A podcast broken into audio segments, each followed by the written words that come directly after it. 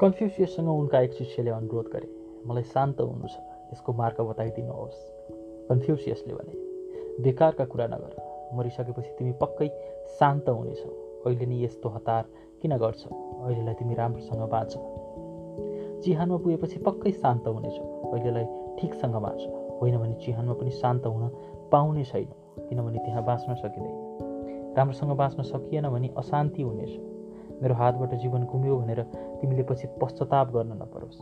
अहिले तिमीसँग जीवन छ त्यसैले शान्त हुन चाहन्छौ।